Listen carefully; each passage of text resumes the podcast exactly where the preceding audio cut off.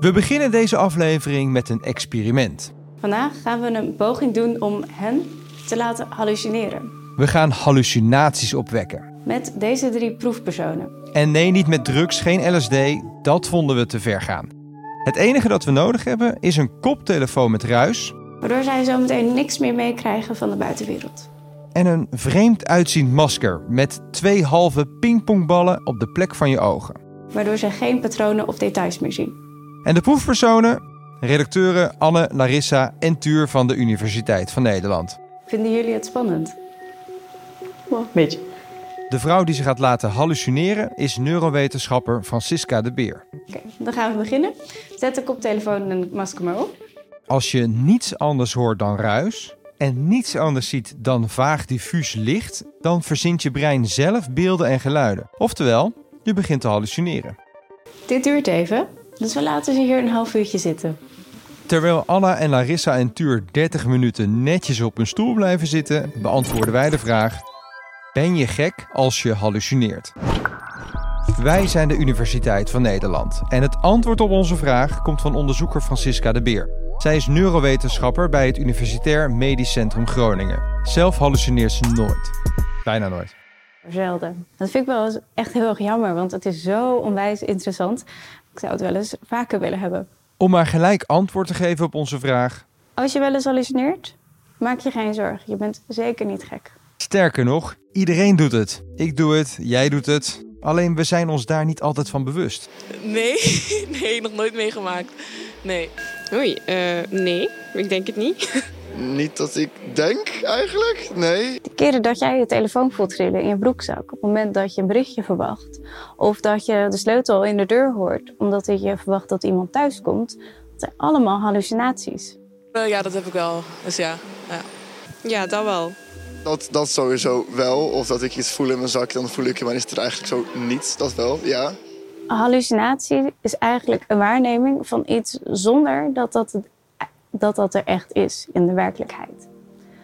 Je kunt dingen horen, bijvoorbeeld stemmen, geluiden, muziekjes. eh, en dingen zien. Simpele kleuren, vlekken, maar ook mensen, dieren, schimmen. Maar je kunt ook, dat is heel tof, eh, dingen voelen, ruiken en zelfs proeven die er niet zijn. Mensen zeggen bijvoorbeeld wel eens dat ze een hand op hun schouder voelen. Of eh, ik spreek wel eens mensen die zeggen, nou, ik voel hier insecten over mijn hand heen lopen. Of mensen zeggen, ja, ik ruik een beetje een branderige lucht, alsof er hier iets in de fik staat. Terwijl ze dat hebben gecheckt, staat niks in de fik. Hallucinaties heeft alles te maken met waarnemen. De hele dag door ben je van alles aan het waarnemen. Met al je zintuigen. Maar terwijl je denkt dat je in één oogopslag de hele wereld scherp ziet, is dat helemaal niet zo. Je ziet ongeveer maar een duimtop scherp. We kunnen wel een leuk experiment doen. Doe je ogen maar eens dicht. En welke kleur is de vloer? Of de banken? Als je nu thuis bent, dan is het waarschijnlijk nog wel makkelijk. Maar ben je op een onbekende plek, dan begint het wel lastig te worden. En terwijl wanneer je ogen open hebt, denk je alles in één keer te zien. Maar nu je ogen dicht hebt, begin je misschien te twijfelen. Is het nu rood of zwart? Je moet er dus echt duidelijk op focussen, wil je het weten.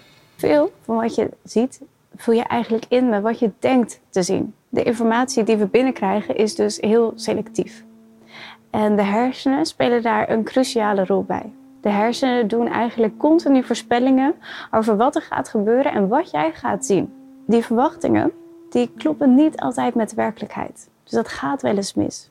En dan doen die hersenen een voorspelling over iets wat er gaat gebeuren wat niet klopt. En dat resulteert dan vaak in een hallucinatie.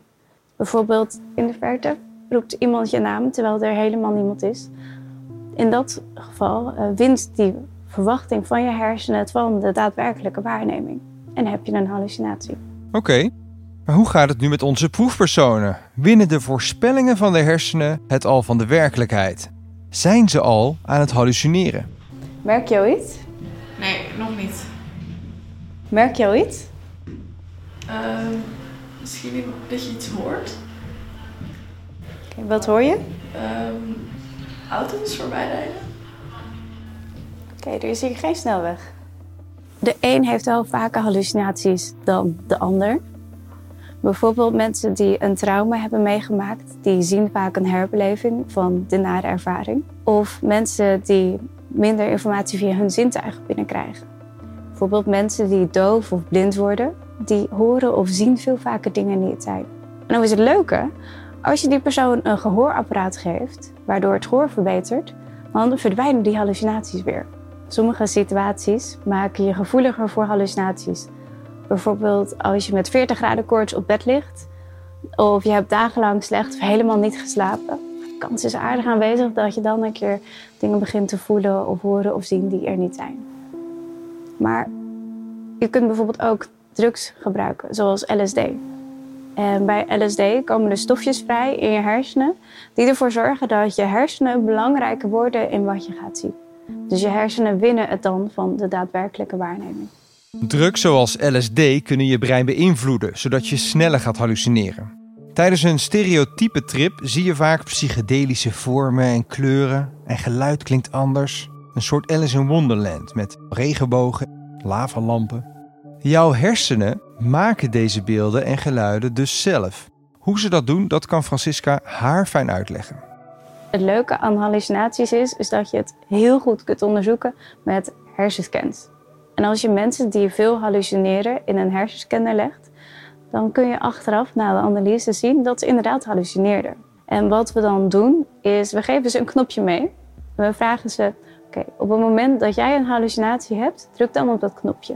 Voordat iemand een hallucinatie heeft, zien we dat een gebiedje, dat heet de parahippocampale gyrus, actief wordt.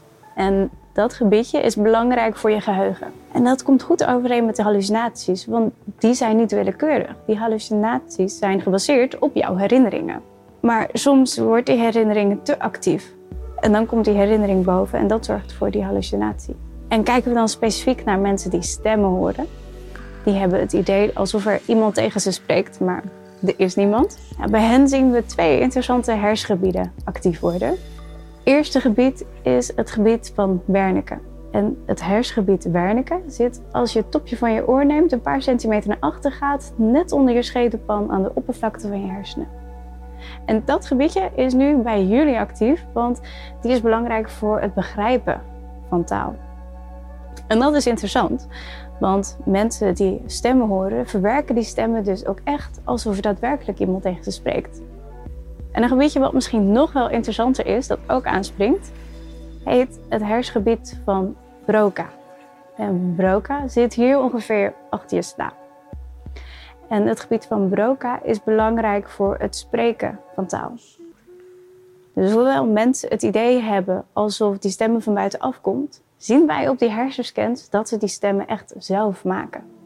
Dus als je stemmen hoort die er niet echt zijn, hoor je eigenlijk een gesprek tussen verschillende hersengebieden in je eigen hoofd. Terwijl het klinkt alsof de stemmen van buitenaf komen. Als je wel eens hallucineert, maak je geen zorgen. Je bent zeker niet gek. Hallucinaties kunnen zeker heel erg leuk zijn. Uh, als je leuke kleurtjes hebt of snoezige diertjes die her, en der heen en weer hoppelen, dan is dat hartstikke leuk. Maar er is natuurlijk wel een grens. Als je zo vaak hallucineert dat het niet meer duidelijk is wat nou de werkelijkheid is en wat een hallucinatie is. Of wanneer de hallucinaties heel negatief worden. Bijvoorbeeld bij mensen die stemmen horen, kunnen de stemmen heel akelig worden. Zeggen dingen als je bent waardeloos. Je bent zo stom. Of nog erger wanneer die hallucinaties die stemmen opdrachten gaan geven. Bijvoorbeeld om zichzelf te verwonden of om anderen iets aan te doen. Dan is het wel tijd om aan de bel te trekken.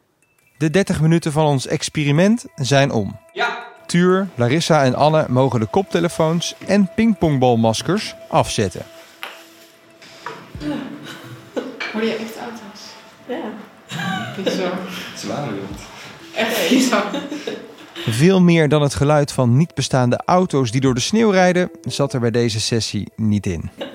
Maar dat was dus echt. Ja. Dat vind ik echt bizar. Dat er Heel gezegd even waar. hoor. Niet, eh, Dit was de Universiteit van Nederland. Zit je te luisteren en denk je, hoe ziet dat experiment eruit? Nou, je kan ons ook bekijken op Spotify en YouTube.